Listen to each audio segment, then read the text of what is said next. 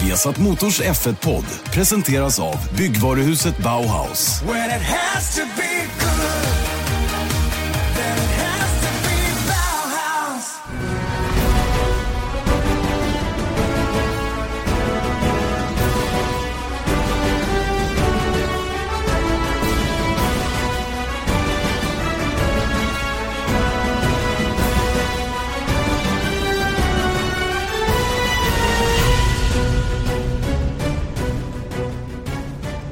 Ja, då är vi tillbaka med Viasat Motors Formel 1-podd. Erik Stenborg, Janne Blomqvist som eh, ska ta itu med det senaste racet men också snacka upp det eh, efterföljande. Det är ju återigen nu två race efter varandra här, helgen efter varandra. Eh, Tysklands Grand Prix senast, Ungerns Grand Prix då, det sista innan sommaruppehållet. Erik Stenborg ser ut som att sommaruppehållet behövs. oh, tack. tack, tack, tack, tack. Och då kan du tänka dig hur mycket det ser ut som att Janne behöver det här sommaruppehållet också. Och, och, och, jag kan bekräfta det, 200 procent. Mm. Mm. Ja, men jag... här, den här veckan känns ju som en piece of cake ändå. Ja. För att eh, nu, det är bara vad är det, fem dagar kvar. Och ärligt talat så tror jag att om sådär 10-12 dagar då mm. kommer vi sitta här och längta till Belgien. Ja, herregud, det går jätte, jättefort. Man är helt sjuk i huvudet på det viset egentligen. Mm. Man kan gnala om att man behöver att det har varit mycket och att man behöver lite ledigt. Va? Men sen går det inte lång tid förrän man börjar sukta efter det igen. Så, att det, det, är något konstigt, det är ett gift i det här. Mm. Och det är väl det man säger, motorsporten. Exakt. Både det är därför som... man spenderar så mycket pengar på det. Ja, jo, men jag tror på med att det är det. Mm. Det är något helt konstigt med alltihopa. Och det blir mer och mer tydligt för mig för varje dag som går också. Att det är en konstig sport. Mm. Men det behöver vi inte gå in på nu. Utan vi kan istället tycker jag fokusera på eh, helgens race. Mm. Eh, Tysklands Grand Prix. Eh, först och främst publiksiffran. Hallå! 160 000. Mm. Senaste gången vi var där sa man att break-even var 58 000 åskådare. Mm. Och det var inte fullt 58 000 som var där. Det var mer än 100 000 fler som kom till det här racet den här gången än tidigare. Och det är ju ett, tycker jag, ett tidens tecken för Formel 1, eh, måste jag säga. Trots alla eh, domedagsprofetior och allt vad det nu är. Så allt efter, allt efter Baku har egentligen haft stigande siffror nu om jag har förstått det hela rätt. Ja, Baku har ju haft stigande siffror också, men från ja. en extremt låg nivå. Ja, det var inte så svårt för Nej, deras del. Exakt. Nej, men det, och det gäller inte bara publiken på plats utan även tv-siffror. Eh, Österrikes tv-kommentator mötte jag på flygplatsen i, i Frankfurt igår och han, han sa det att de hade 43 procents tittarandel mm. mitt i sommaren. Eh, de hade över 600 000 tittare i Österrike som är ett förhållandevis litet land. Alltså, men, men, sporten är eh, kraftigt förankrad där. Och de hade ju även starka siffror under pågående fotbolls-VM och så vidare. Va? Så att, eh, men där sänds det ju i fri-tv så att säga. Va? Och det är mm. inte helt oviktigt när det gäller så höga siffror såklart. Nej, det är samma sak i Danmark faktiskt. Ja. Också. De har ju på sådana nivåer också.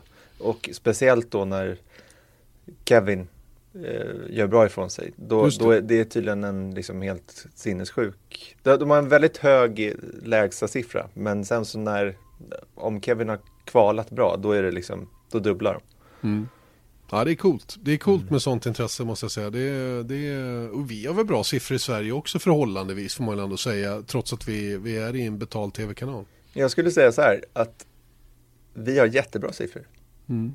Sen så vad de är, det kan jag inte säga. Nej. Och dessutom så vet jag inte exakt heller. Men eh, eh, när jag ser dem så, så är det ingen som gnäller om jag säger. Nej. Ja men det är bra. Det är bra. Eh, fanns inte så mycket att gnälla på heller angående racet senast som blev en eh, jätte, jättespännande historia. En sån här liten, liten regnskur den är ju eh, uppiggande i allra högsta grad. Det hade nog blivit bra ändå tror jag med ett torrt race rakt igenom. Men, men eh, den riddarskuren som kom där med, vad kan det ha varit, 20 varv kvar eller någonting i den stilen. Det, det är ju bara eh, bonus på något sätt. Mm. Speciellt när det sker på det sättet på något sätt. För då var det, man älskar ju de här upptorkande förhållandena. Men nu torkade det inte upp riktigt utan det kom bara så pass lite. Mm. Och eh, jag, jag, måste säga det också att på, på lördagen när kvalet, när det regnade så mycket innan kvalet och det blev ändå torrt då kände jag så här, ja men okej, och nu säger de att, de ska, att det ska regna på söndag också, men det kommer ju aldrig komma heller. Alltså mm. jag kände, för det har varit så himla många gånger tänk på Spanien liksom, när de bara så, ah, nu, nu är regnet åtta minuter borta, fem minuter borta eller vad det nu kan tänkas vara. Men Exakt. det kommer aldrig. Nej. Men nu kom det för en gångs skull. Ja, fast precis lagom mängd. För det som kom efter loppet kan jag lova dig, då hade vi inte kört något överhuvudtaget. Nej. Herregud vad det regnade och åskade. Ja, det var sällan jag upplevt ett sånt oväder. Faktum är att senaste gången jag var med om ett sånt oväder var banne mig i Ungern, i Budapest. Eh, innan start tror jag det var något år när det kom så här ohyggligt mycket vatten på kort tid. Alltså det var precis så det blev nu. Och det smällde och det åskade och det levde rövare. Och den här tunneln som man går under banan, den var det halv meter vatten i. Jag har sett bilder på folk som gick ifrån eh, läktarna ut till sina parkeringar där som också vadade i eh, flera decimeter djupt vatten. Så det vart, det vart lite kaos där. Och det var kaos rent allmänt. 160 000 åskådare var inte polisen förberedda på. Eh, vi har ju gnällt lite och, och berömt faktiskt en del också vissa race här för att ha haft väldigt, väldigt god ordning. Silverstone exemplariskt, Österrike mycket bra, dåligt i Frankrike.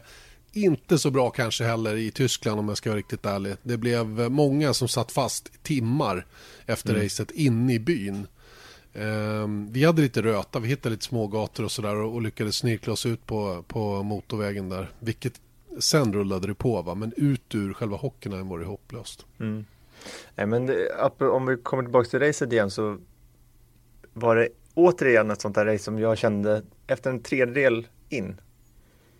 Då var det torrt fortfarande, men Mm. regnet hotade ju och allt annat också. Då kände jag så här, än, än en gång så, så vet jag inte vad som kommer ske.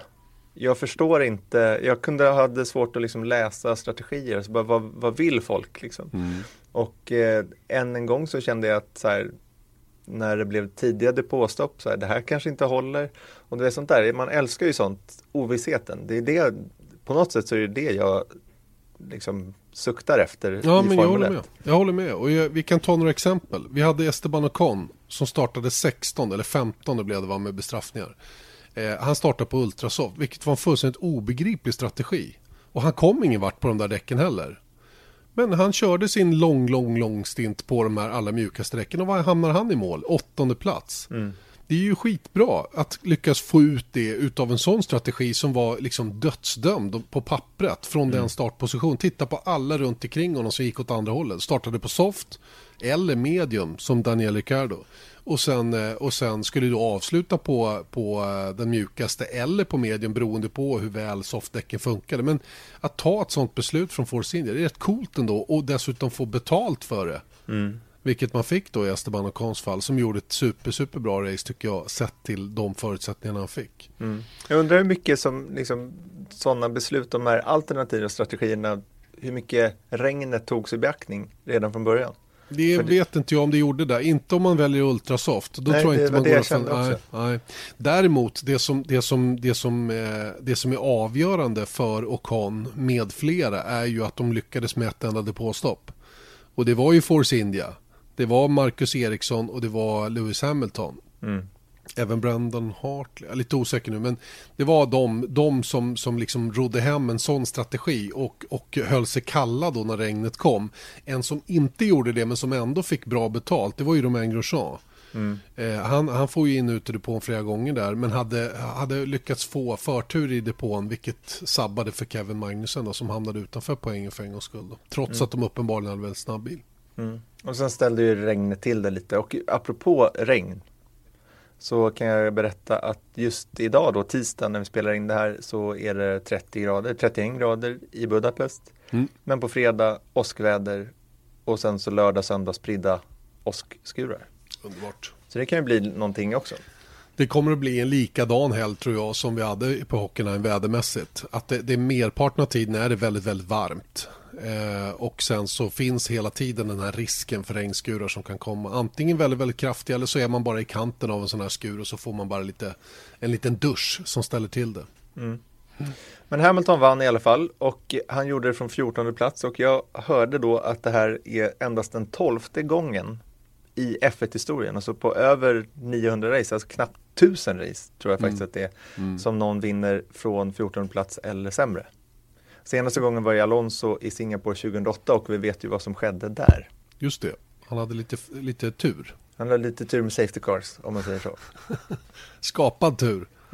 Precis, det var ju då eh, Nelson Piquet så eh, ökänt gick in i muren på eget bevåg för att ta ut en Safety Car för att hjälpa Alonso till segern, vilket i sin tur då gjorde hon, honom persona non grata i, eh, i Formel 1 tillsammans med Flavio Briatore och Pat Simmons fram tills nu i stort mm. sett, eller fram tills ja. några år sedan. Ja. Nu jobbar han ju för Formel 1. Det, det är som att anställa en hacker på en så här datasäkerhetsfirma. Ja. Firma, typ.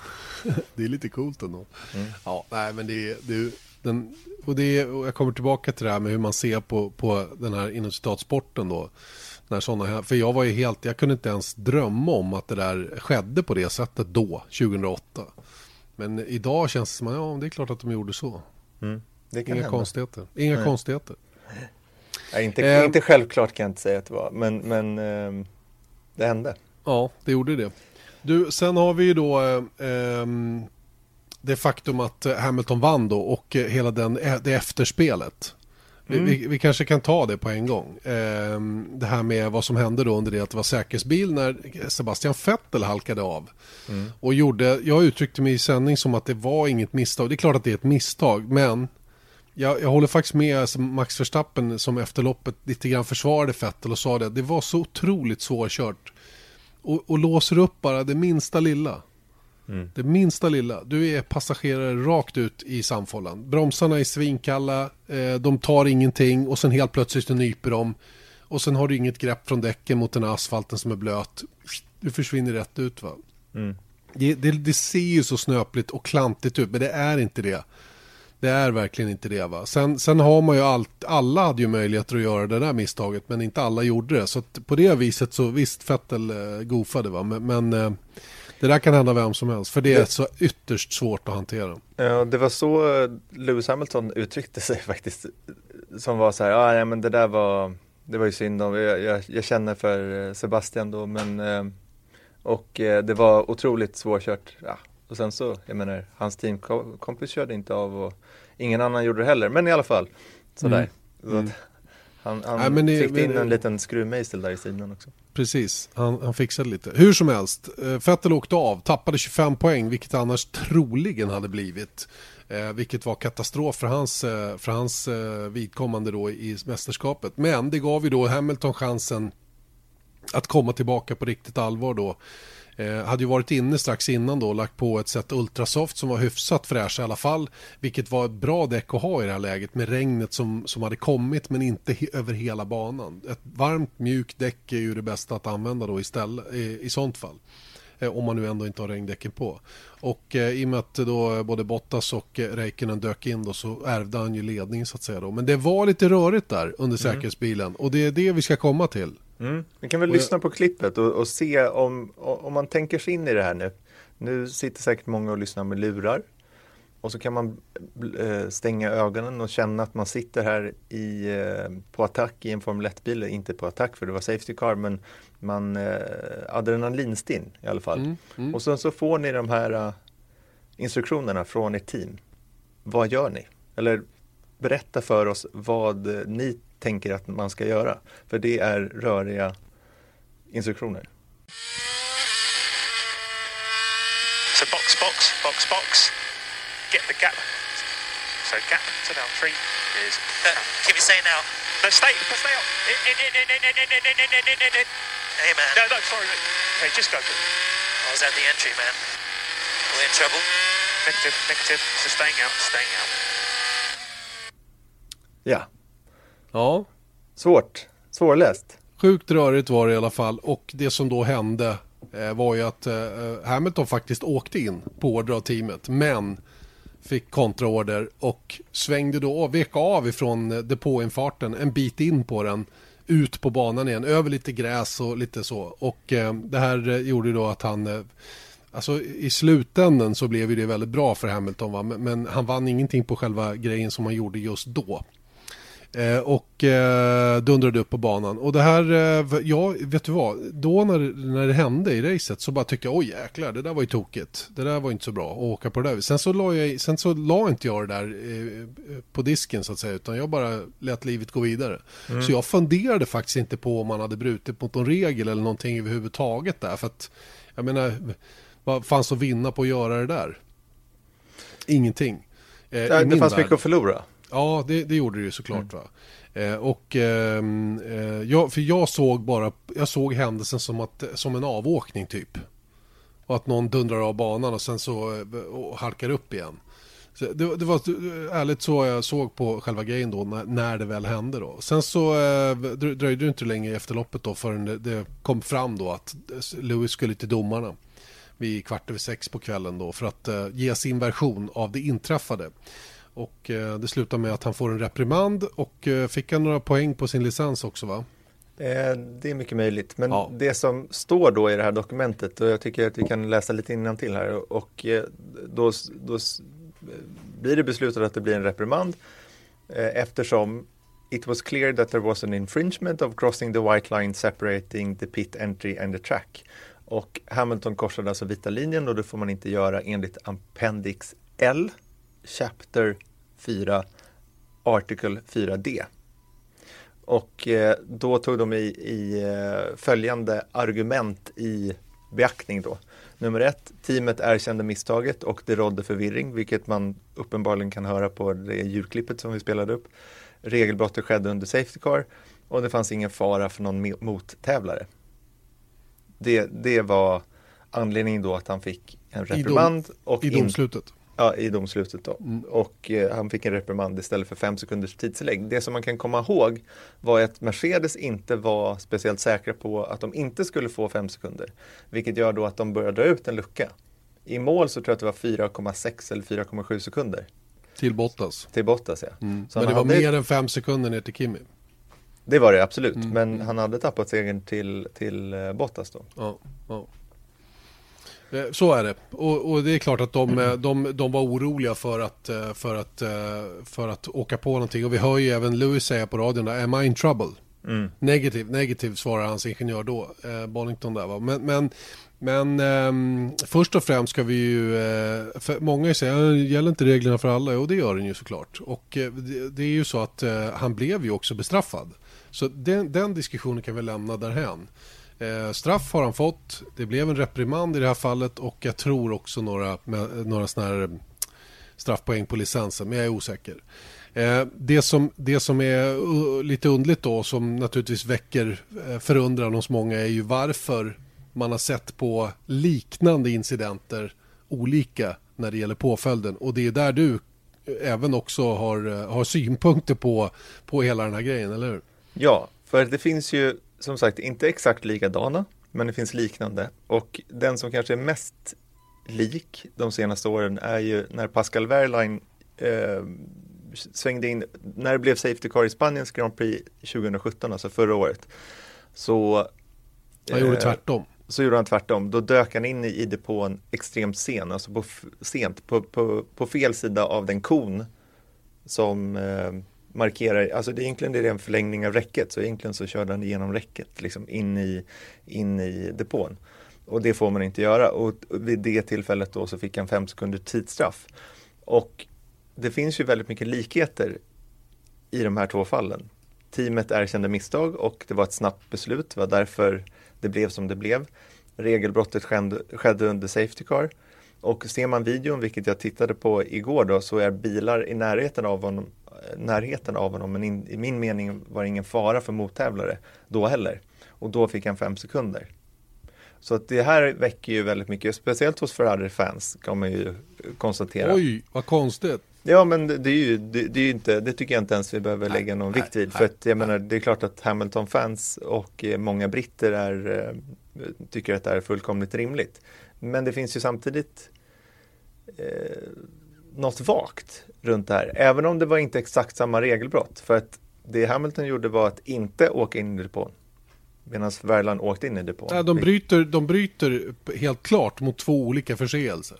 Mm. Det så de är inte lika alls i det avseendet. Men de påminner om varandra i hur det blev.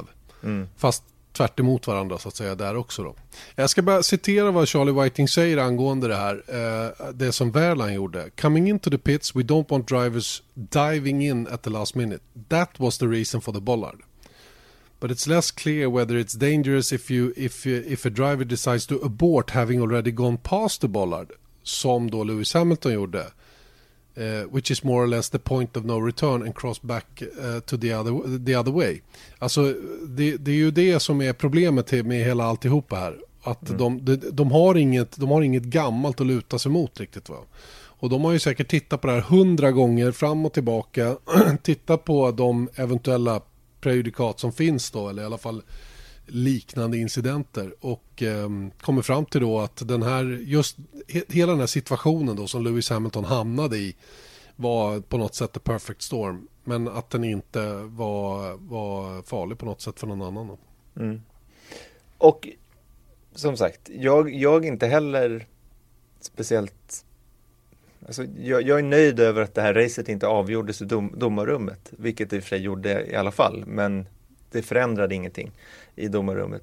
Men det som jag tycker är svårt här var att ett argument som jag hörde eh, BBC uttrycka i deras eh, eh, radiosändning efter racet var att ja, men det är ju skönt för alla alla, hela publiken där som ser Hamilton vinna och sen ska vadå, ska de komma hem och titta på nyheterna sen på kvällen eh, och se att den de trodde vann inte vann. Samtidigt då så fanns det ju ett domslut eller en, en hearing mot Hamilton så de kunde inte åka ifrån banan i tron över att allting var frid och fröjd heller. Nej. Och det som jag tycker att det är svårt här är att när vi ser en sån, säg du, du som kommentator, när du ser ett regelbrott på banan. Mm. Du, kan liksom, du, du, kan ju höfta, chansa mm. på vad det här innebär. Men du har ingen aning och speciellt när de väntar så lång tid och nu fanns det goda skäl att vänta för att de ville få rätt beslut.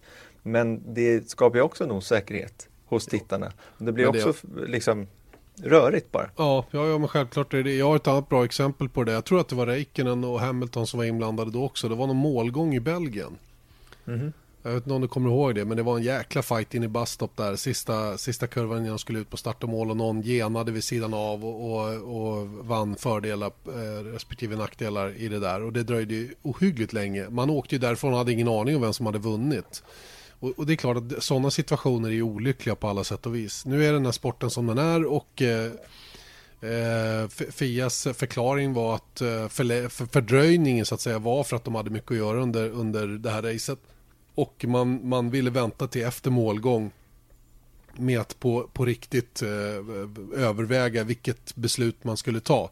Eh, tror framförallt för att man ville höra parterna. Och det är ju det som är grejen med Formel 1. Man vill ju ofta höra förarna, teamet i inblandade situationer deras version innan man tar ett beslut. Och det är där fördröjningen ligger. Mm.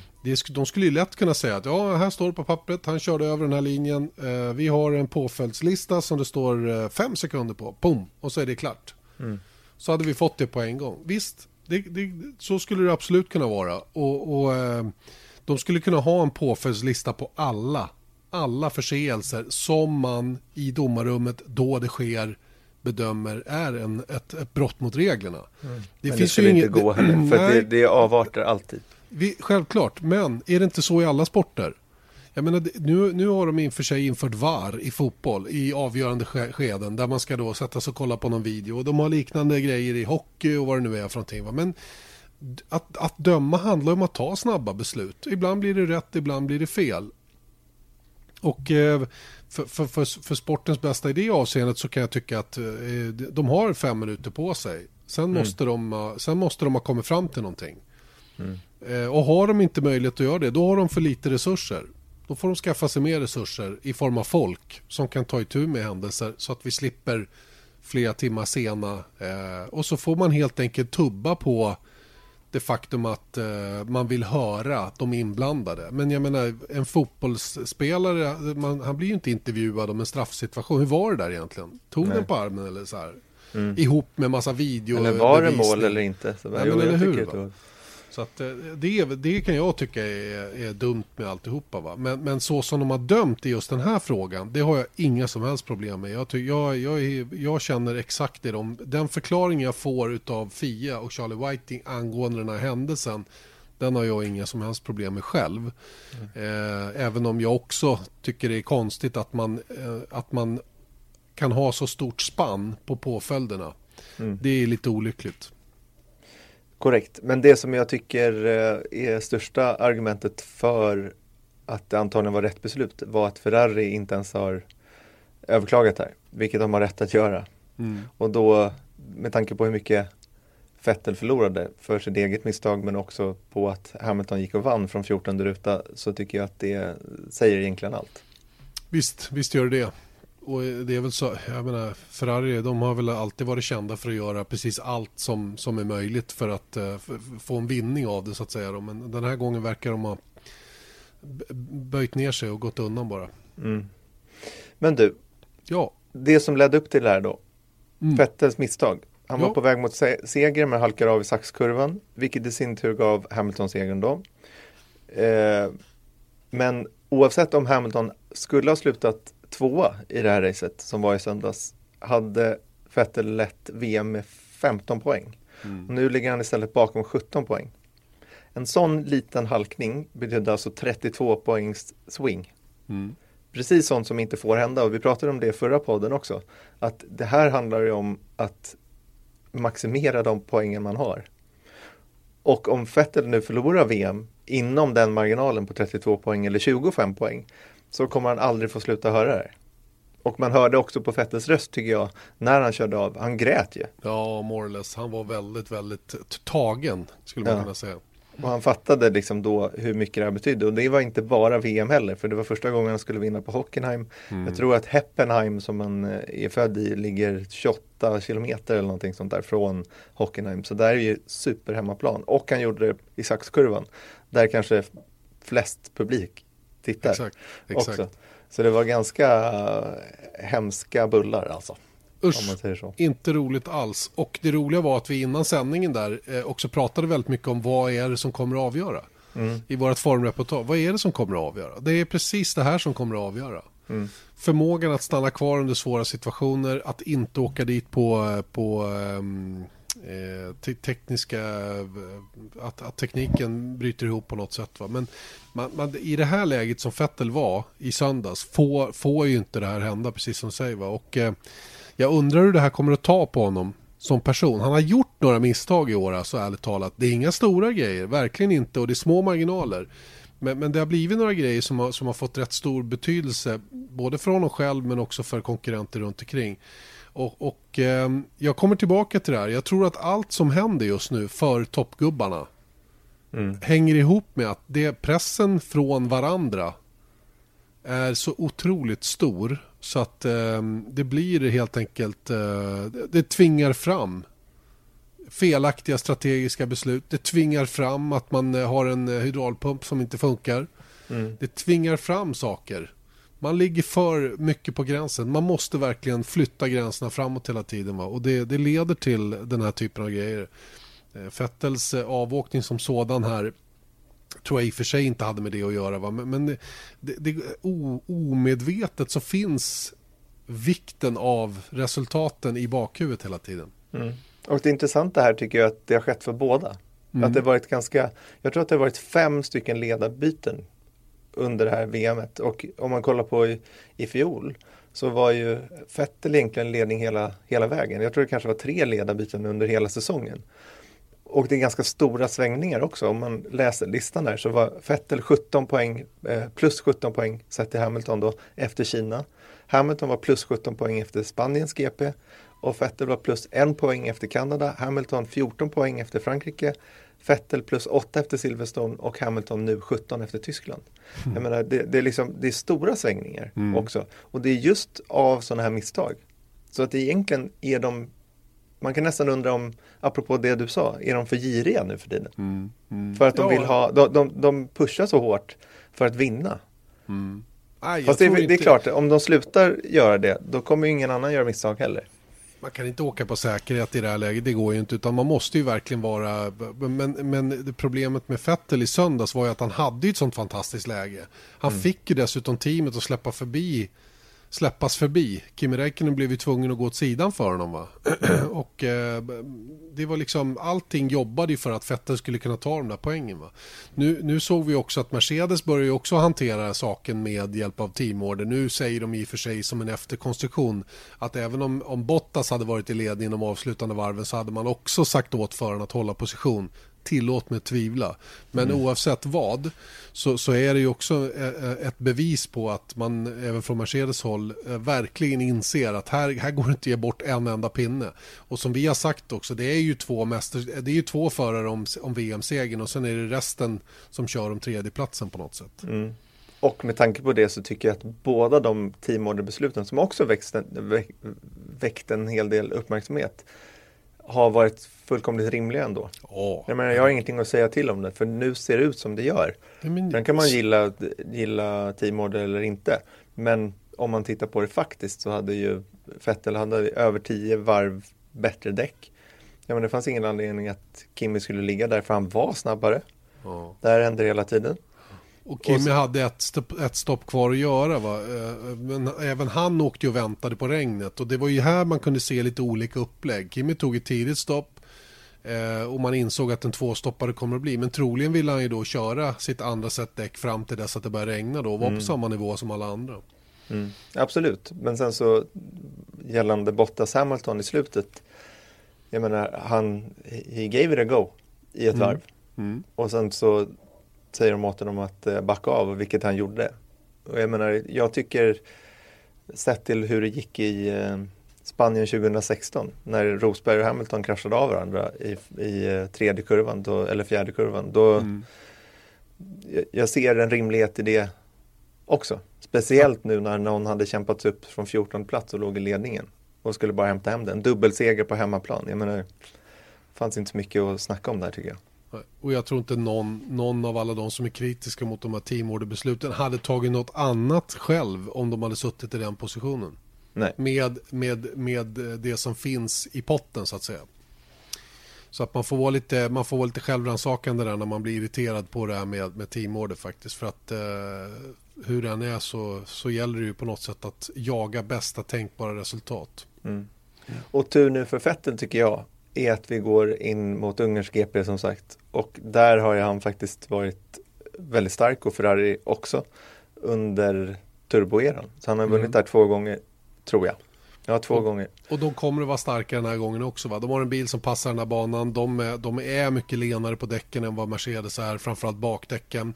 Nu är det inte, och det ska vi komma till i vår preview tillsammans med Pirelli, den är inte så fruktansvärt hård när det gäller accelerationer eftersom det är egentligen bara start och mål, sen är det sväng i sväng hela tiden. Det är mycket att däcken aldrig får vila snarare än att man, att man laddar dem med mycket värme i bak eh, tack vare hårda accelerationer. Men, men Ungern kommer att bli en bra bana för eh, för, um, för Ferrari. Sen är ju Belgien, det är touch and go tycker jag, de två emellan. Monza, vad ska vi säga om den? Ferrari. Nej. Är det det verkligen? Ja, jag säger Mercedes. Det var, ja, men jag, jag sa tror, fel. Ja, men jag tror, Ferrari har ju den starkaste motorn just nu. Varför ska inte Monza kunna vara bra? Jag, jag, kan inte se att de har någon nackdel på Monza, även om det historiskt sett har sett väldigt bra ut för Mercedes där. Ja, jag, tror, jag tror både Belgien och, och Italien är, är väldigt, väldigt bra banor för båda de här teamen. Och att det är närmast, de är närmast oskiljaktiga. Singapore igen tror jag kommer att vara en Ferrari-bana. Mycket, mycket bakdäck som kommer att hållas vid liv. Vi kör, hype, vi kör Hypersoft, ja precis.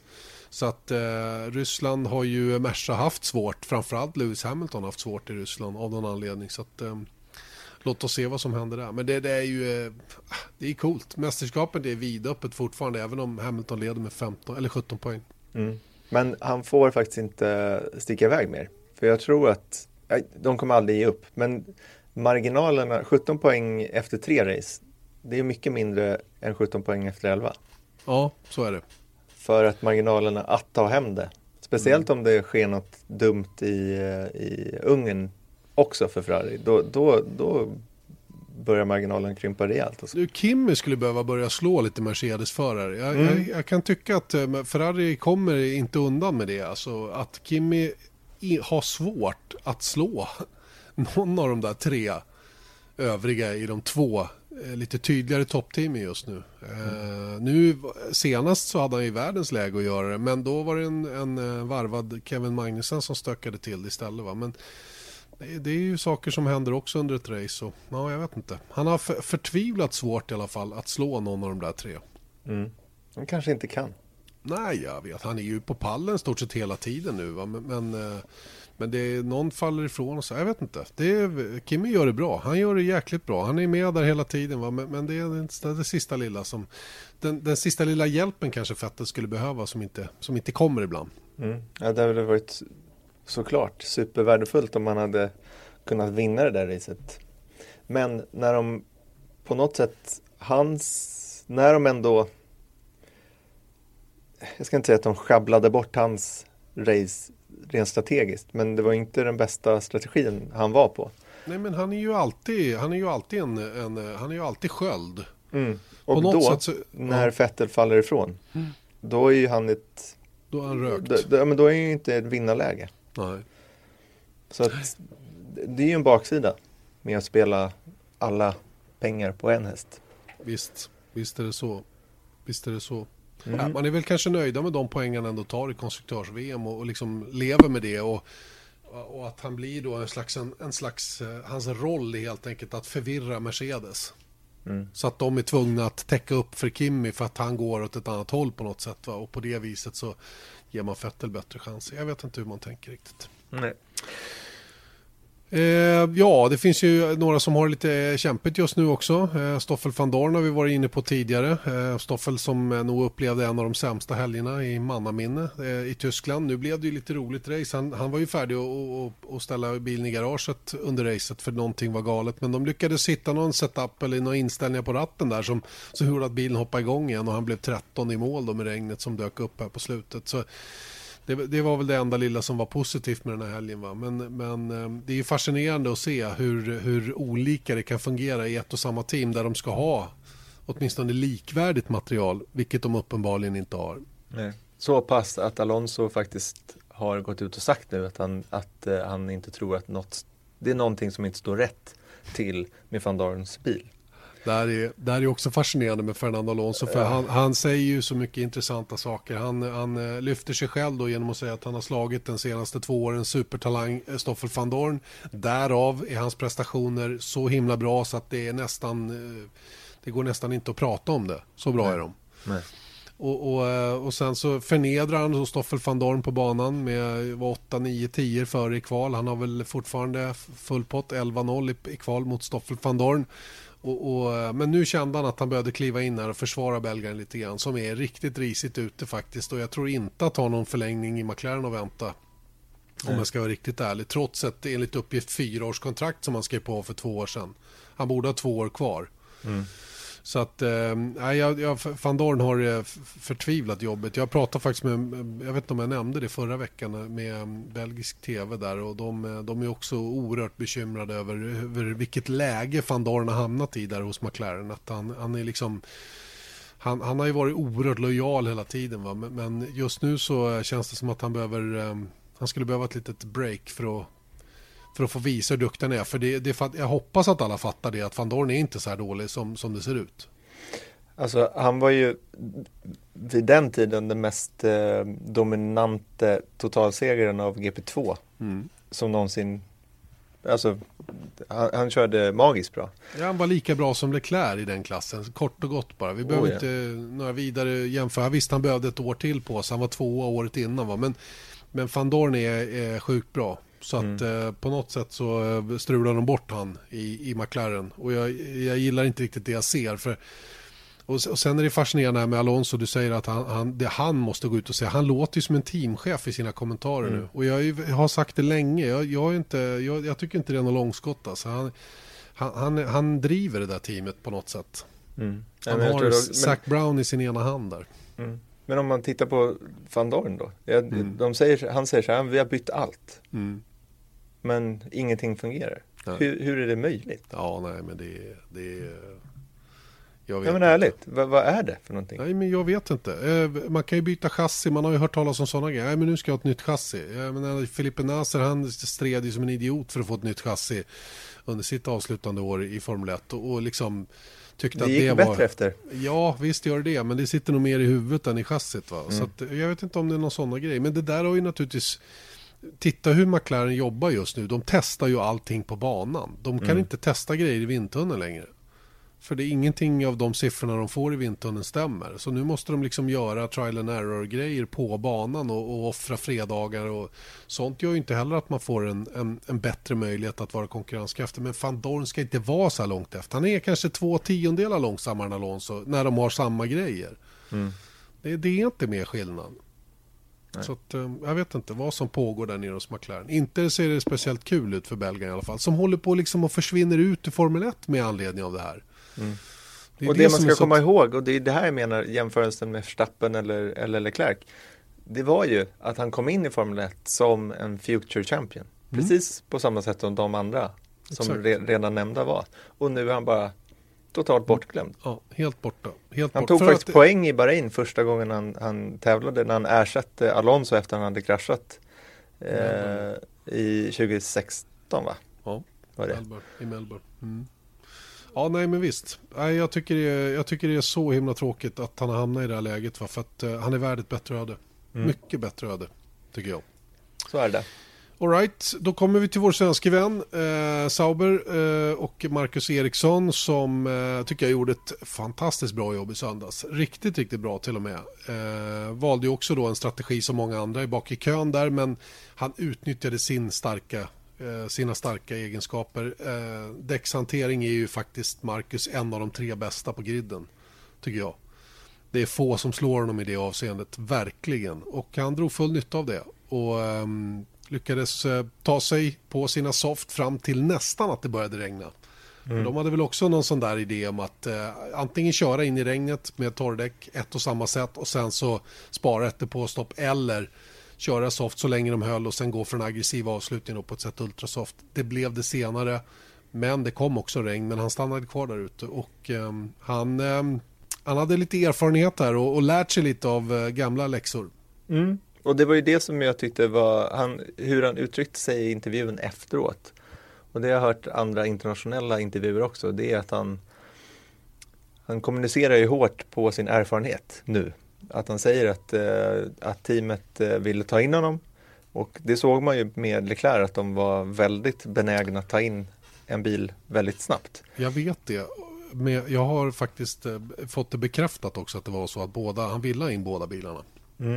Och det kämpade han då starkt emot personligen då. För att, eh, vad var det han sa? Han hade fått flashbacks för från Silverstone 2015 tror jag var, eller om det var 16. 15 eller Ja. 16. När det också varit sån här dött eh, regnigt och då hade han gått in hundra gånger i depån och, och tappat allt på grund av det då. Så då, och då ville han hellre att ja, men jag går in eh, och tar på regndäck så fort det behövs. Men just nu så behövs det inte. Nej, Och eh, det var ju snyggt. Jag menar det betalar sig. verkligen.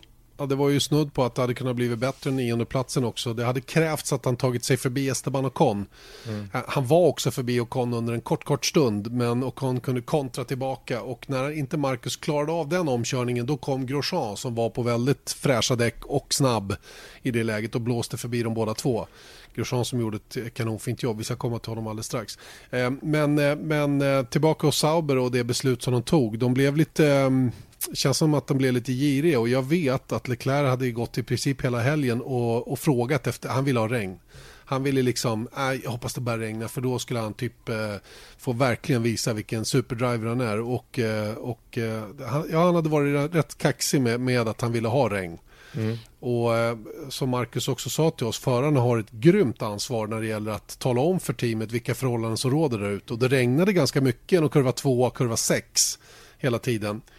Eh, och eh, i det här fallet då så, så gick man ihop då Leclerc och teamet och eh, bestämde för ett, eh, att vara först in helt enkelt. Ta en vrålchansning, lägga på ett sätt inter och sen hoppas att det skulle regna mer och dra full nytta av det då. Det gick precis åt skogen alltihopa. Mm. Och det var ju som du sa, girigt. För att han låg på en bra position redan innan. Och sett till hur det gick för Marcus hade han gjort samma, tagit liknande beslut. Då hade, jag menar, han hade kunnat vara femma. Absolut. Absolut. Och eh, även om han hade bara avvaktat den, jag menar, han hade aldrig gått in. Hade han eh, väntat ett varv till. För att jag menar, det tog ett varv i stort sett innan alla förstod att nu var det alldeles för tidigt. Så att eh, det var ju girigt faktiskt. Ja, det var det. Och eh, det visar ju också då återigen då att det är erfarenhet i de här lägena som man måste luta sig mot. Och, och när, och det, han är ju, han är ju på, en sån, eh, han är på en sån medgångsvåg just nu. Han tror ju inte att någonting kan slå tillbaka. Men faktum är att det gjorde det ganska ordentligt. Han var ju av inte, inte bara en gång när han väl körde sen. Och han kom ju i otakt med när han la på sina däck och hur mycket regn det kom och så vidare. Va? Så att, ja, det blev totalfel bara för Leclerc. Och det visar ju också att ehm, även om man är duktig så kan det gå fel emellanåt. Och fortfarande tycker jag också att eh, jämförelse mellan Leclerc och Eriksson att söndagarna så är det ingen större skillnad på dem. Det, det enda som skiljer är startpositionen, vilket naturligtvis gör det, gör det lite knepigt för Eriksson att matcha Leclercs eh, liksom, målgångsplacering. Men, men eh, fartmässigt är det ju touch and go på de två. Det är nästan ingenting som skiljer, vilket gör skillnaden på lördagarna ännu mer märkligt tycker jag. Absolut. Men sen så är det också att hans starka kort som vi pratade om är ju däckshanteringen. Vilket gör att han tar ju Ja, alltså det är ju en chansning att gå långstinta hela tiden. Mm. Och ibland så betalar sig det som nu. Och ibland så, så är det väldigt svårt att röra sig uppåt istället. För att om man inte kan attackera framåt för att man behöver spara däck, då sitter man fast. Mm. Tänk vad mycket poäng de skulle ha haft Sauber nu om de hade haft två bilar som kunde kvala så pass högt upp som Leclerc gör hela tiden. Undrar vad teamet gör, alltså vad teamledningen gör för att hjälpa till i den här situationen. För det förutsätter man att de gör, Ja, eller hur? det måste de göra. Jag måste, men... Men men måste ja, de göra. Ja, jo, det är väl det man tycker. Man undrar ju om det finns liksom någon åtgärdsplan, va? Jag menar, man jobbar på. Nåväl, eh, det är deras, eh, det är deras eh, problem, höll jag på att säga. Det är ingenting som vi kan göra någonting åt. Vi hoppas att, att lördagarna blir starkare för Eriksson allt eftersom här nu då, för det är fortfarande det som är lite grann av akilleshälen. Eh, vi landar oss flera förare som ska ha lite beröm tycker jag efter söndag då. Brandon Hartley som, ehm, som eh, faktiskt fick med sig en VM-poäng nu då och eh, också lite bra feeling. Vi träffade ju eh, Hartley under helgen där och man kände ju verkligen att han behöver få lite flyt nu. Skojar du? Jag menar, han var ganska, jag, jag menar, Björn ställde ju inga svåra frågor till honom egentligen. Men var ju, eh, ja, han var ju på försvar. Det var Ja, ingen, men- ingen dramatisk eh, intervju alls, men man kände ändå att han bara, ja, jo, så här har det varit och liksom nedstämd och så säger han att ja, men jag försöker påminna mig hela tiden om att hur fantastiskt det är att vara Formel 1-förare. Men det är inte så att det lyser i ögonen när han säger Nej, det. Verkligen inte. Och det, jag tyckte en fråga blev speciellt så här. Vet ni vad svagheterna i Honda-motorn är? Frågade Björn så här. Och det kom någon lång utläggning om, som inte hade någonting med motorn att göra. Va? Så att det är så uppenbart att de inte vill prata om, om vissa grejer och, och ehm, att det är tufft helt enkelt. Och han kör ju för sin existens i Formel 1. Det, det, som, det som är bra för Hartley, eller det som är positivt för Hartley är ju att Red Bull har så ont om nya förare. Som, som eh, dels har superlicenspoäng som krävs. Nu kommer väl Dan Ticktum att ha det efter den här säsongen, kanske. Eh, men, men oavsett det så, eh, så, så Hartley kommer att hänga kvar så länge de inte har något bättre att stoppa in där istället. Mm. Och vi kommer tillbaka till silly season lite för den börjar bli riktigt spännande trots att toppen är väl mer eller mindre ja, i varje fall till i största fall är, den klar. Den, den är klar. Mm. Den är klar. Mm. Ja, men, eh, ja, men det finns mycket att hålla koll på där. Absolut. Absolut. Ska vi bara ta Grosjean lite eh, kort. Han är stark nu, men jösses vad det går upp och ner. Verkligen. Och eh, man blir inte klok på killen heller. Va? För att, eh, det, kan du tänka dig att vara teamchef till en sån som Romain Grosjean när du vet hans egentliga kapacitet? Men du vet också att han är eh, nästan 50% av fallen inte når upp till den. Mm. Eller gör massa konstiga grejer. Hur hanterar man en sån gubbe? Hur gör man om om man heter Gene Haas, Günther Steiner med en kille som Romain Grosjean. När det dessutom är så att det står en hel radda med förare som vill dit istället. Jag, jag undrar hur de tänker alltså. Jag vet det 17 själv, men jag kan inte tänka mig att man värderar hans enastående fart vid vissa tillfällen högre än att ha en kille som Magnusen som mycket, mycket jämnare tar poäng hela tiden. Han kanske är någon tiondel långsammare än Grosjean eh, om vi skulle göra någon, någon ultimat mätning på något sätt. Va? Men, men han är ju en mycket, mycket jämnare förare i alla avseenden. Ja, hur skulle du göra? Skulle du behålla Grosjean?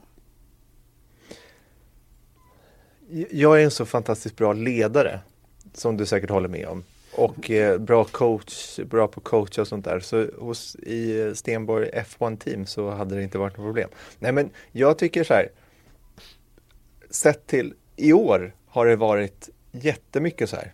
Och förvisso, det har inte varit helt omärkbart tidigare under Grosjeans karriär heller. Typ det, har ju, det har ju pågått, men jag menar sett till i fjolåret till exempel. Då var mm. det inte på den här nivån. Nej. Då, var mycket, då klagade han mycket och eh, tjafsade med bromsarna och allting sånt där. Men då var de ju jämnare. Slog inte ens Grosjean. Grosjean var väl före Magnusson i VM kanske? Det var han säkert, ja, ja. Det, det minns inte jag. Ja, så att jag menar, det är, inte, det, det är ju någonting bara som sker. Så jag tycker fortfarande att han har liksom förtjänar sin Formel 1-plats. Tycker inte du svarar riktigt på min fråga. Om du skulle behålla honom om du vore teamchef? Jag är teamchef. Jag är teamchef. Jag, måste, jag kan inte svara rakt ut. Då får jag ju pressen på mig. ja, ja, men jag, jag, vet inte. Ja, det är klart. Det beror ju på. Skulle jag få Peres istället? Ja, ja, då kanske jag skulle ta honom istället. Det är ju ett högst troligt alternativ också. Mm. Låt oss gå in på det här nu då. Mm. Vi tar silly season kort och gott. Nej men jag gillar att stanna kvar vid Gursson för han är precis en sån kille som, som gör det så otroligt svårt att veta vad som är rätt eller fel. Han tjänar förmodligen en bra slant och jag är lite osäker på hur mycket han, han bidrar med några, några sponsorer till teamet såklart. Va? Men om du har Peres i ena handen och Grosjean i den andra och Peres dessutom med som jag vet runt 100 miljoner kronor att tillföra teamet och, och, hans track record när det gäller jämnhet, att inte köra sönder bilar och sådana saker. Och så väljer du Grosjean som kanske är två, tre tiondelar snabbare än Perez. Om du sätter dem i en, en rak jämförelse. Men nej, för mig är det öppet mål. Jag skulle peta bort Grosjean på en gång. Dessutom så är Haas amerikanskt trots mm. allt. Och mm. eh, att ta en mexikan är väl det närmaste man kan nu när Santino Ferruccio, Ferrucci inte längre är racerförare som det verkar. Nej. Men du, eh, ja, det är för mig, Grosjean är stark som du säger va, men det går för mycket upp och ner för att eh, han ska få förlängning i Haas i alla fall eh, nästa säsong och alternativen är ju inte jättemånga så jag, jag tror Grosjean kanske sjunger på sista versen faktiskt. Mm. Så kan det vara. I really do. Eh, silly season ja Erik. Eh, vi fick ju klart med Hamilton och Bottas i helgen. Det innebär att de försvinner ifrån silly season. Eh, allt pekar emot att Daniel Ricciardo kommer att bekräftas för Red Bull. Han sa igår, tror jag, att han är beredd att skriva på i början av den här veckan. Mm. Någon liten detalj kvar. Mm. Färg på privatbilen eller någonting i den stilen. Han kanske ville ha något eh, tillagt i sitt kontrakt. Ingen aning. Men det verkar ju som att han kommer att skriva vad, på. Jag, jag vet vad det är. Ja. Jag tror att han vill behålla sin Aston Martin trots att han måste köra Honda nästa år. Ja, så är det. Så är det säkert. Men Aston Martin blir väl kvar i teamnamnet så det är nog inget problem att få in det i kontraktet. Nej, men jag tror säkert att de vill att de kör Hondor till, mm. till eh, jag kan tänka mig det i alla fall. Jag, ja. tror, att det, jag tror att det är det som skaver. Alright, alright säkert. Det innebär ju att Ricardo och Max Verstappen då kör för Red Bull, Hamilton och Bottas för Mercedes och vi är tämligen säkra på att Sebastian Vettel kommer att få Charles Leclerc som teamkamrat i Ferrari 2019. Och eh, därvid lag så är de tre toppteamen klara. Mm. Eh, säger vi i, på våran, våra alternativa fakta. Mm. Absolut, och det betyder ju samtidigt då att det är 14 eh, förare som inte är bekräftade. Det, är ju, det känns som o, liksom ovanligt många i det här ja. läget på säsongen. Håller med, håller med. Och om vi tar då team nummer fyra då i konstruktörs-VM, vi kan ju ta dem i den ordningen. Eh, så är ju det senaste då att Esteban Ocon redan har skrivit på för Renault. Mm. Man är överens med Mercedes där om att eh, ta honom från Mercedes till Renault, alltså bort från Force India till Renault då. och eh, ersätter i sånt fall Carlos Sainz och Ocon skulle då bli teamkamrat med Nico Hülkenberg. Och där finns ju två anledningar till. Dels vill Renault ha en fransman mm. och de vill inte ha Grosjean, uppenbarligen. Nej, nej, det vill de inte. Och, och jag, tror, jag tror även att eh, anledningen till att det blir Ocon, för jag tror att första valet är nog Carlos Sainz trots allt. Men de får inte honom på papper förrän Ricardo har bestämt sig och det är för sent för Renault. Fast om det så kommer i veckan så? Ja, fast det, det, här kanske redan är klart sedan en tid tillbaka. Mm. De kanske hade en tidigare deadline, det vet vi inte. Nej. Eh, för att eh, det, det, det, har nämligen låtit som nere på, på, på Hockenheim som att Ocon redan har skrivit på kontraktet. Att gå till Renault, att man är överens. Eh, och det innebär ju då att Mercedes får en öppning i sitt juniorprogram då att stoppa in George Russell som förhoppningsvis för deras del då vinner Formel 2 2018. Och eh, då skulle man ju kunna tänka sig att man bara bytte och stoppade in honom i Force India. Men så verkar det inte vara. Så du. Eh, snarare är det så att Mercedes är mer intresserad av platsen hos Williams som blir efter att Lance Stroll flyttar på sig. India. Just det. Och eh, egentligen då rakt avtar platsen som Esteban Ocon har haft i Force India. Om vi då dessutom lägger till Erik rykten om att Lawrence Stroll kommer att köpa teamet efter att det har gått i administration här inom någon dag. Eh, mm. Så blir ju det ett ännu tydligare. Det blir ännu tydligare så att säga. Och Lawrence Stroll har då till slut fått sitt team som han, som han så länge velat ha. Mm. Och låt oss klargöra där då att VJ Malja sa ju på Silverstone, för det är enda landet han, han får besöka. Han sitter ju i praktiken i, inte husarrest, men han sitter ju Landsarrest. Landsarrest i England för att han har så mycket skulder och eh, konstigheter med sina företag som är baserade i Indien då. Mm. Och då kan han inte lämna landet. Och då pratade vi med honom i, på Silverstone och han eh, hävdar bestämt och säkert att det, vi har absolut vi har inga skulder ens. Allting är frid och fröjd, det är inga problem. Sen så är det klart om rätt köpare dyker upp så då tar vi det också. Men nu började det komma ganska starka rykten i, under Hockenheim-helgen då att eh, teamet är visst i stora finansiella problem och man kommer låta teamet gå i administration. Det är väl något förstadie till konkurs egentligen. Så att man kan då överta teamet efter det. Och det är det som eh, Lawrence Stroll då ryktas göra. Ja, det är, det är i alla fall tanken som det verkar då. Och eh, det intressanta är också att jag pratade med våran medarbetare Dieter Renken eh, i, jag tror det var i lördags eftermiddag. Och han, han sa ju det att eh, det är Force India, de ligger jättebra till. De har inga skulder och eh, teamet har pengar för att sköta den dagliga driften. De kanske inte har pengar att eh, köpa någon ny stor rigg av något slag eller, eller var de renoverad vindtunnlar eller något sånt där. Men de har pengar för den dagliga driften och de är inte skyldiga Mercedes några pengar, sades också. Eh, och då ryckte jag tillbaka lite förvånat och sa, men hur vet du det? Jo, Toto Wolf säger det. Jag frågade honom. Toto Wolf säger att det, det inte är några skulder där. Och jag blev faktiskt lite förvånad över det faktum. För jag, jag var nästan, jag har varit hundraprocentigt säker på att de har varit skuldsatta ordentligt till Mercedes för, att, eh, för motorerna. Då. Och det, det sägs ju vara runt 17 miljoner euro per år att köpa motor, eh, växellåda och vad det nu är mer eh, som, man, som man köper från Mercedes. Då. Mm. Säkert lite, säkerligen lite billigare eftersom man tog Conny där. Säkert, säkert. Men, eh, men det Dieter hade gjort, han hade ju kollat den budget som fanns eller de intäkter för det finns ju ett bokslut att gå igenom. Och där fanns alla pengar redovisade för så att på något sätt hade de väl fått ihop den här boken. Va? Men, men eh, det är helt uppenbart så. Från annat håll har jag nämligen fått höra att Eh, han har haft jätteproblem vid Emalja med ekonomin, teamet och att det har varit i salu en längre tid och nu verkar det ju då. Men han vill väl liksom linea upp det där som att när jag får rätt pris och pengar då, då kommer jag att sälja. Mm. Och det är väl det som man är på väg att göra då. Mm. Ja, men man säger så här, även om, om bokslutet då går ihop så titta på resten av Vidjemaljas företagsimperium. Hur det mår. Varför skulle F1-teamet må jättebra? Speciellt när ryktena finns så starkt att det inte gör det. Nej. Nej, men visst, visst. Och han har lånat ut pengar till teamet och det är massor med konstiga grejer. Pengar som han nu då håller på att plocka ut mm. för att få tillbaka själv. Ja, det, han, är, han, är jätte, han har jättekonstiga affärer för sig. Men det är, det är ovanför min paygrade. Jag, jag kan inte riktigt bedöma det. Så att jag går bara på vad jag hör från annat håll och eh, det blir ju lite hörsägen då såklart. Men vi får se vad som händer helt enkelt med teamet. Men den stora frågan är ju då en av kassakorna som man har haft då, Sergio Perez, vill han stanna kvar i det här teamet? Tillsammans med Lawrence Stroll och Lance Stroll om det nu blir dem? Eller tittar han sig om efter alternativ? Och det finns inga alternativ uppåt på griden. Det har vi redan konstaterat. Det finns alternativ åt sidan och just nu så känns det som att Sauber är ett av de hetare teamen faktiskt på silly season-marknaden. Det är många som vill dit. Mm. Och det är många namn som nämns. Allt från Kimi Räikkönen faktiskt till Sergio Perez till Carlos Sainz. Till van Dorn till van Dorn. Så åtminstone fyra som då skulle kunna stå som, som ersättare då till Charles Leclerc när han flyttar på sig. Och vi har ju ingen aning om vad som händer med Marcus Eriksson heller. Det kanske är två platser lediga i Sauber till 2019.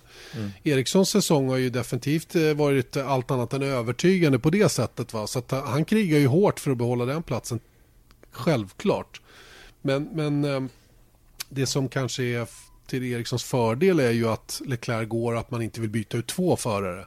Han är ju trots allt väl inkörd i det här teamet och har goda förbindelser på flera områden så att säga. Så att på det viset så kanske Eriksson är en bra, en bra häst att hålla fast vid så att säga. Mm. Ja, absolut. Det kan man tycka. Men sen så är det frågan om vad teamet vill. Också. Exakt, exakt. När det gäller Williams så har jag uppfattat det som att Sirotkin stannar kvar. Och där kan alltså då George Russell bli eh, teamkamrat teamkamrat till, till eh, Sirotkin i Williams nästkommande säsong. Toro Rosso, troligen orubbat bo som det ser ut just nu då. Pierre Gasly, Brandon Hartley. I brist på ersättare till framförallt Hartley då. Och, och Gasly får ju ingen möjlighet att flytta upp då eftersom Ricardo Verstappen kör fram till 2020 åtminstone. Vad har vi kvar då? Haas har vi inte pratat om, men det är också ett sånt där team som, eh, som många står på kö för att köra för. Och samma som vi räknade upp, förutom Kimi Räikkönen möjligen då, eh, står ju och köar för den platsen också. Som då eventuellt kan bli ledig om man inte förlänger med, med Romain Grosjean. Mm. Mm. Så ser det ut. Det är alltid lite rörigt, men ju fler pusselbitar som eh, faller på plats, desto lättare blir det. Så vi får väl anledning att följa upp det här Ja, det här är ju det, det är en av de roligare grejerna tycker jag. Innan det, det, det, är klart att det är lite ångestfyllt också när man har en svensk inblandad i det här som man gärna vill ha ett, ett besked runt omkring. Men, men eh, oavsett vad som händer så kommer det bli en stark startgrid nästa år och det är inte speciellt många nya som får möjlighet att kliva in. Jo, McLaren pratade vi aldrig om, Erik. Just det. Eh, Alonso är ju fortfarande ett osäkert kort. Stannar han, stannar han inte.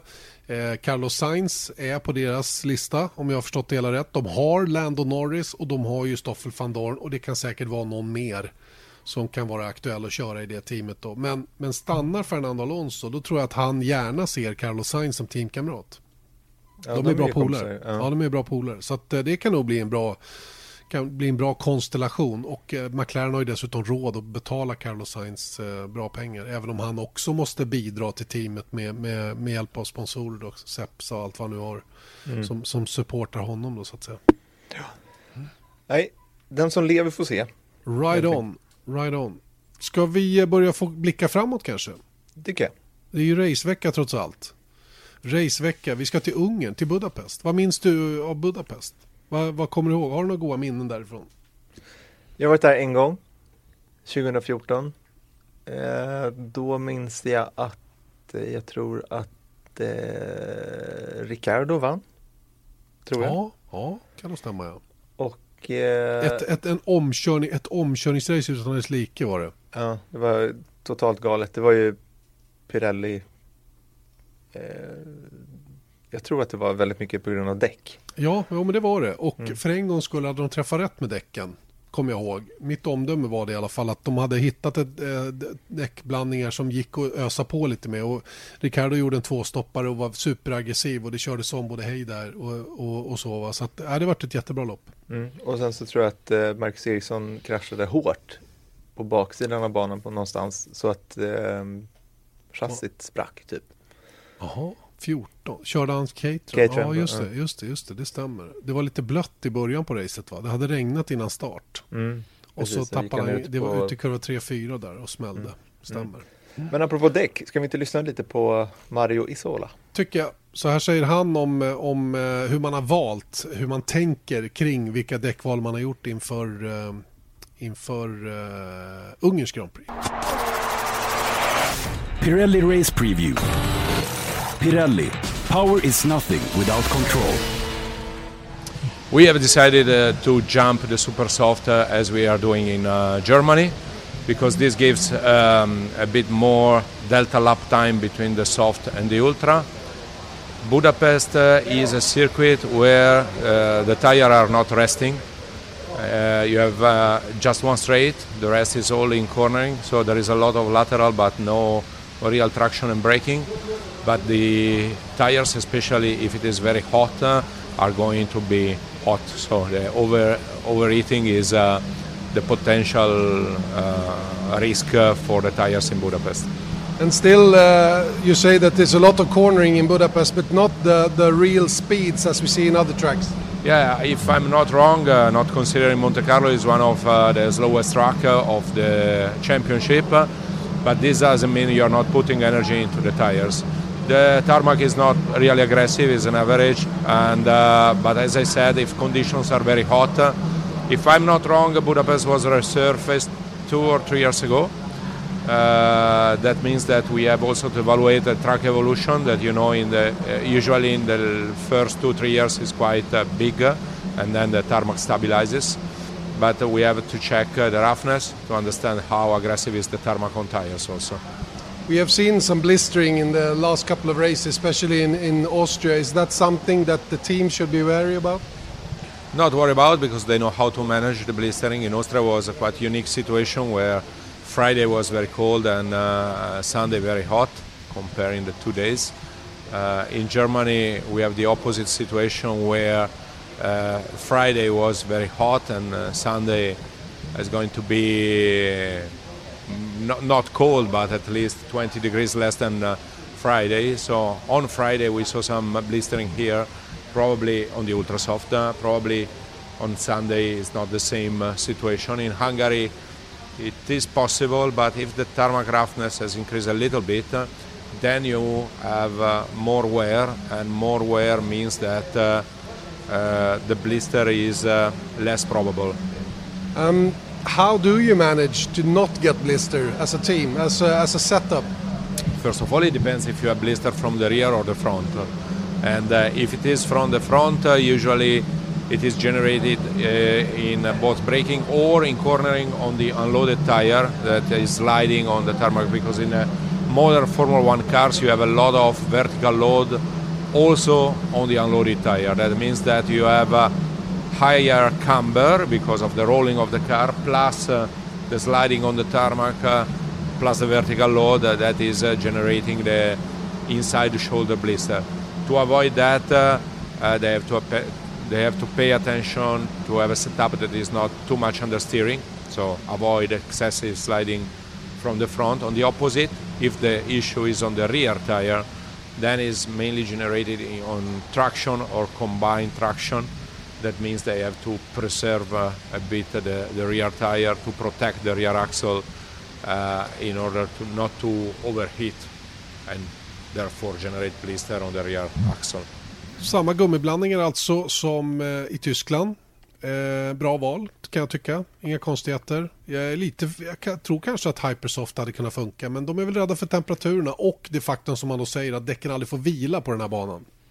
Ja, jag tycker att det är en rimlig grej och speciellt med tanke på att hur ändå bra det såg ut på Åkerline. Mm. Så, så har vi eh, säkerligen ett kul race att vänta, tror jag. Absolut. Spe- Speciellt när det ska regna lite och åska lite. Ja, ja, ja, men som sagt, vi, vi har ju eh, liknande väderprognoser då som vi hade i Tyskland senast eh, för, för eh, Hungaroring. Eh, Budapest ja, som eh, var det första racet bakom järnridån. Det har vi ju sagt många gånger när vi kommer dit. 1986 var första gången man körde där. Banan är i stort sett oförändrad. Man har byggt om eh, start och mål, förlängt den lite grann, gjort om första kurvan en aning. Annars är det ju en stort sett oförändrad bana rent layoutmässigt och den långsammaste ihop med, ihop med Monaco va? Ja, Monaco är långsammast, det här är näst långsammast då. Mm, mm. Påminner ju annars om varandra i karaktären då med mycket svängar fram och tillbaka och ja, inte så mycket eh, hårda belastningar men ändå belastningar på däcken hela tiden. Inte så lätt att köra om på vet jag.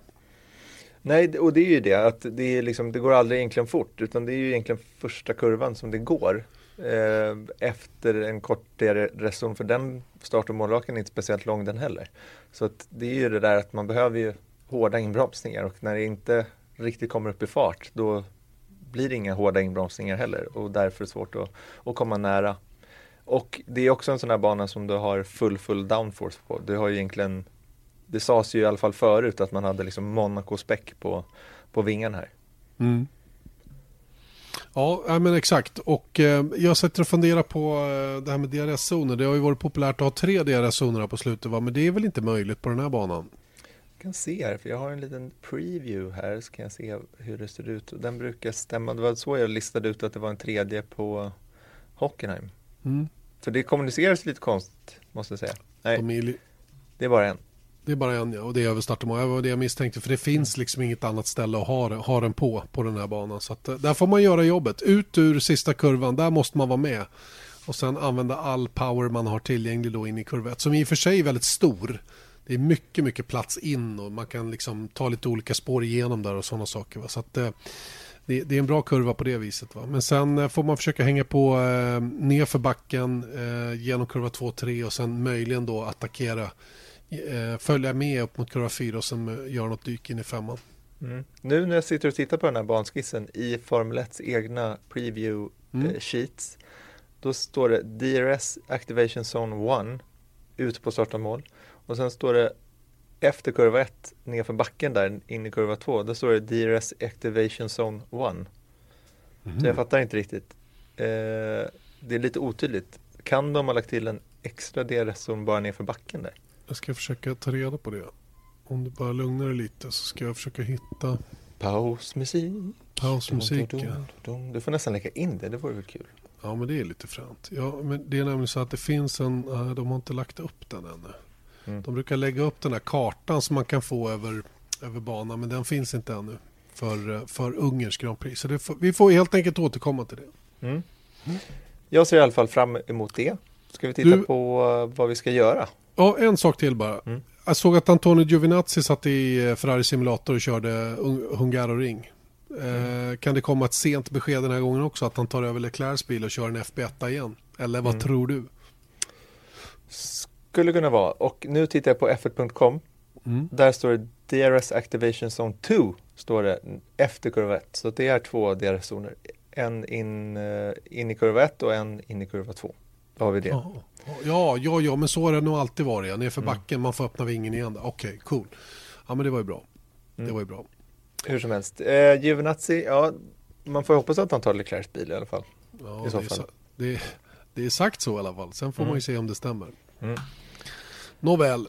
Eh, vad gör vi i helgen? Ja? Det är intressant. Jo, men vi ska träffa Charles Leclerc. Ja, tänk som av en händelse. Ja, och prata lite om den här omvändningen som han faktiskt gjorde till Baku. För det var lite lustigt sist vi satt med honom i eh, sitta ner intervju så att säga var ju i Baku.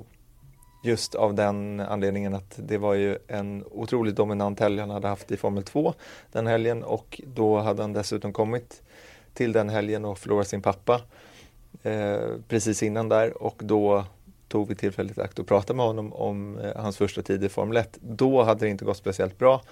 Den helgen vände det.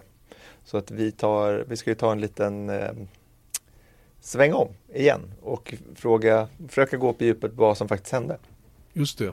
Mycket intressant, spännande. Mm. Ser vi självklart fram emot. Vad gör vi mer då?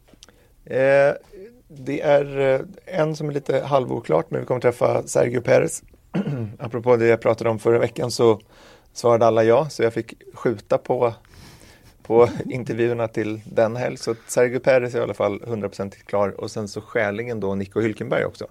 Eh, din gamla kompis. Just det. att, eh, det, det. Jag tycker så sanslöst bra om honom. Mm, visst är det så. Men eh, tanken är att vi ska sätta dem, eh, inte ihop, men vi ska intervjua dem till samma reportage. Eh, båda två. För att de är lite i samma situation. De är Ja. sådana här eh, veteraner i, i Formel 1 som egentligen aldrig fått en riktig chans. Nu har ju Perez fått det i McLaren förvisso under ett år. Men de är liksom lite i ingenmansland just Mm. nu. De är liksom precis på gränsen till att vara en toppförare men också att vara en väldigt etablerad mittenförare. Jag hör vad du säger. Mm. Nej, det där får Rickard göra med Hülkenberg. Rickard, Rydell. ja just det, eh, så kan det vara. Har du glömt att han jobbar så? Nej, det var så länge sedan. Jag trodde han tävlade själv bara nu för tiden.